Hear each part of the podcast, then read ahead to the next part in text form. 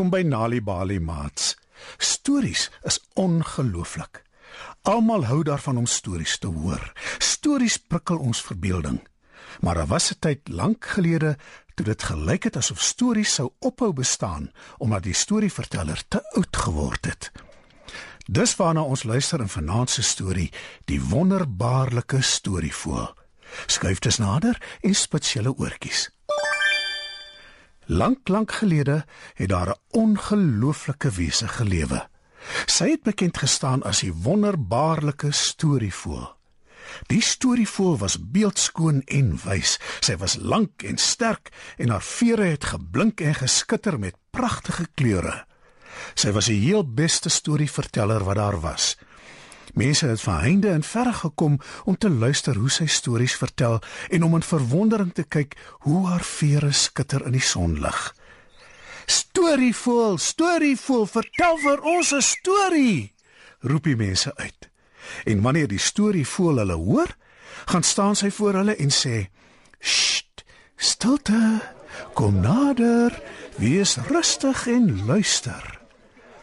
Oral waar die storie voorgaan, volg die mense haar. Haar stories maak prentjies in hulle koppe van ver afgeleë plekke. Die storievoël vertel hulle van allerlei avonture. Sy vertel hulle van dinge wat hulle nog nooit gesien het nie, dinge waaroor hulle nog nooit gedroom het nie. Haar stories vul hulle harte met geluk. Die wonderbaarlike storievoël word na vele feesvieringe toe uitgenooi. Mense wag geduldig totdat sy opdaag en wanneer hulle haar sien, roep hulle uit: "Storie voel, storie voel, vertel vir ons 'n storie." En dan antwoord sy: "Sst, stilte, kom nader, wees rustig en luister." Toe sy jonk was, was die stories wat die storievoël vertel het ongelooflik. Mense het dae en nagte omgesit en net na haar geluister. Maar Ongelukkig, toe die wonderbaarlike storie voor begin oud word, het sy swak geword. Maar haar stem het sterk en helder gebly. En wanneer die mense uitroep: "Storie vol, storie vol, vertel vir ons 'n storie," dan kom sy stadig nader en sê steeds vir hulle: "Sst, stilte, kom nader, wees rustig en luister." Soos wat die tyd verbygaan, kom die mense agter dat haar vere nie meer so helder blink en skitter in die son nie. Haar skitterblink oë raak ook al dowwer. Party van hulle begin onder mekaar fluister dat dit lyk asof sy siek is. Eendag kom die mense bymekaar onder 'n eislike groot boom. Hulle roep uit: "Storievoël, storievoël, vertel vir ons 'n storie." Maar storievoël verskyn nie voor hulle nie. Weer roep die mense uit: Storie voel, storie voel, vertel vir ons 'n storie. Maar steeds verskyn storie voel nie voor hulle nie. Die kinders is bekommerd. Die groot mense is bang. Wat het met haar gebeur? Sal ons haar ooit weer hoor praat? Vra hulle mekaar. Hulle hou die lig dop om te sien of sy dalk nie tog aangevlieg kom nie. Maar nee, daar is geen teken van storie voel nie. Die wonderbaarlike storie voel hoor hulle wel. En sy weet hulle is bekommerd oor haar maar sy weet ook die tyd het aangebreek vir haar om huis toe te gaan. Baie baie stadig vlieg sy totdat sy tussen die heuwels is. Daar gaan sit sy voor 'n diep donker grot. Toe gaan die wonderbaarlike storie voel diep in die geheime grot in. Dit is die enigste plek wat sy waarlik goed ken In die geheime grot begin die wonderbaarlike storie vol praat en sy vertel al haar stories. Dae en nagte om vloei haar pragtige stem soos wat sy die een storie na die ander vertel. Die klanke van haar stories ekho teen die mure en vul die donker geheime grot. Elke enkele storie bly daar in die ekho's. Nie een van die stories gaan verlore nie. Toe sy uiteindelik haar heel laaste storie vertel het, gaan die wonderbaarlike storie voel al dieper en dieper in die grot in tot by 'n tonnel reg agter in die grot. En niemand het haar ooit weer gesien nie. 'n Hele ruk later op 'n warm sonnige dag speel 'n seun met die naam Samuel langs 'n helder stroompie. Samuel speel heerlik, onbewus van alles om hom, soos wat die son al hoër en hoër in die lug klim.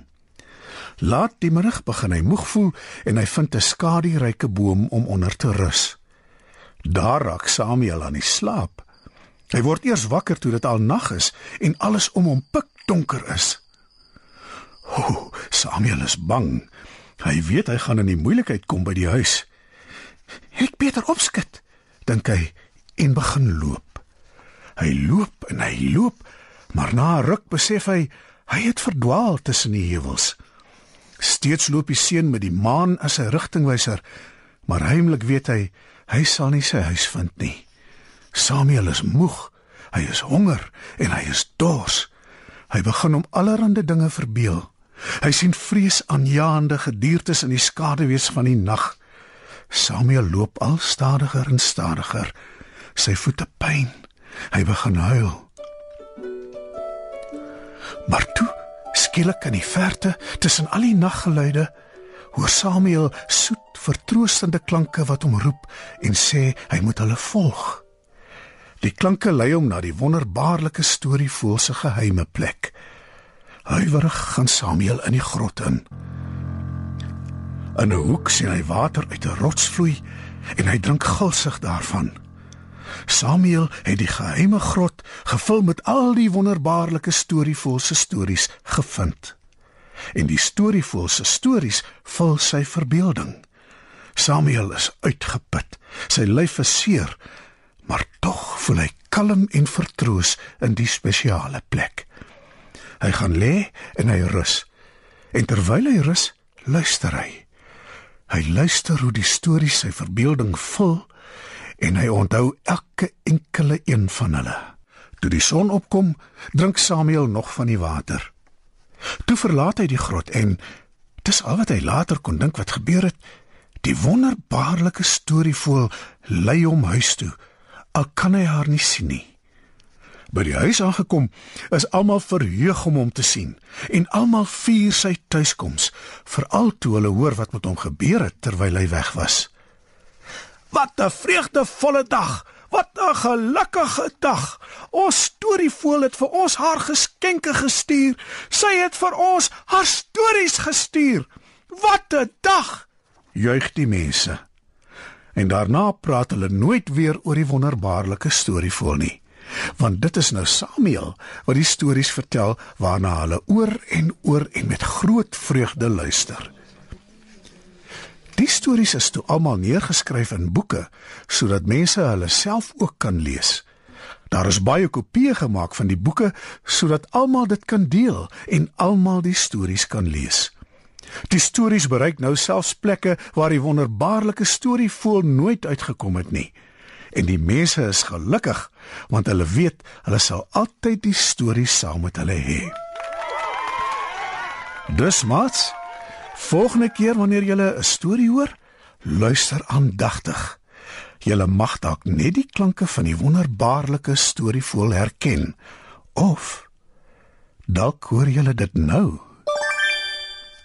Vanaand se storie, die wonderbaarlike storievoël, is geskryf deur Kerry Sadien Raad.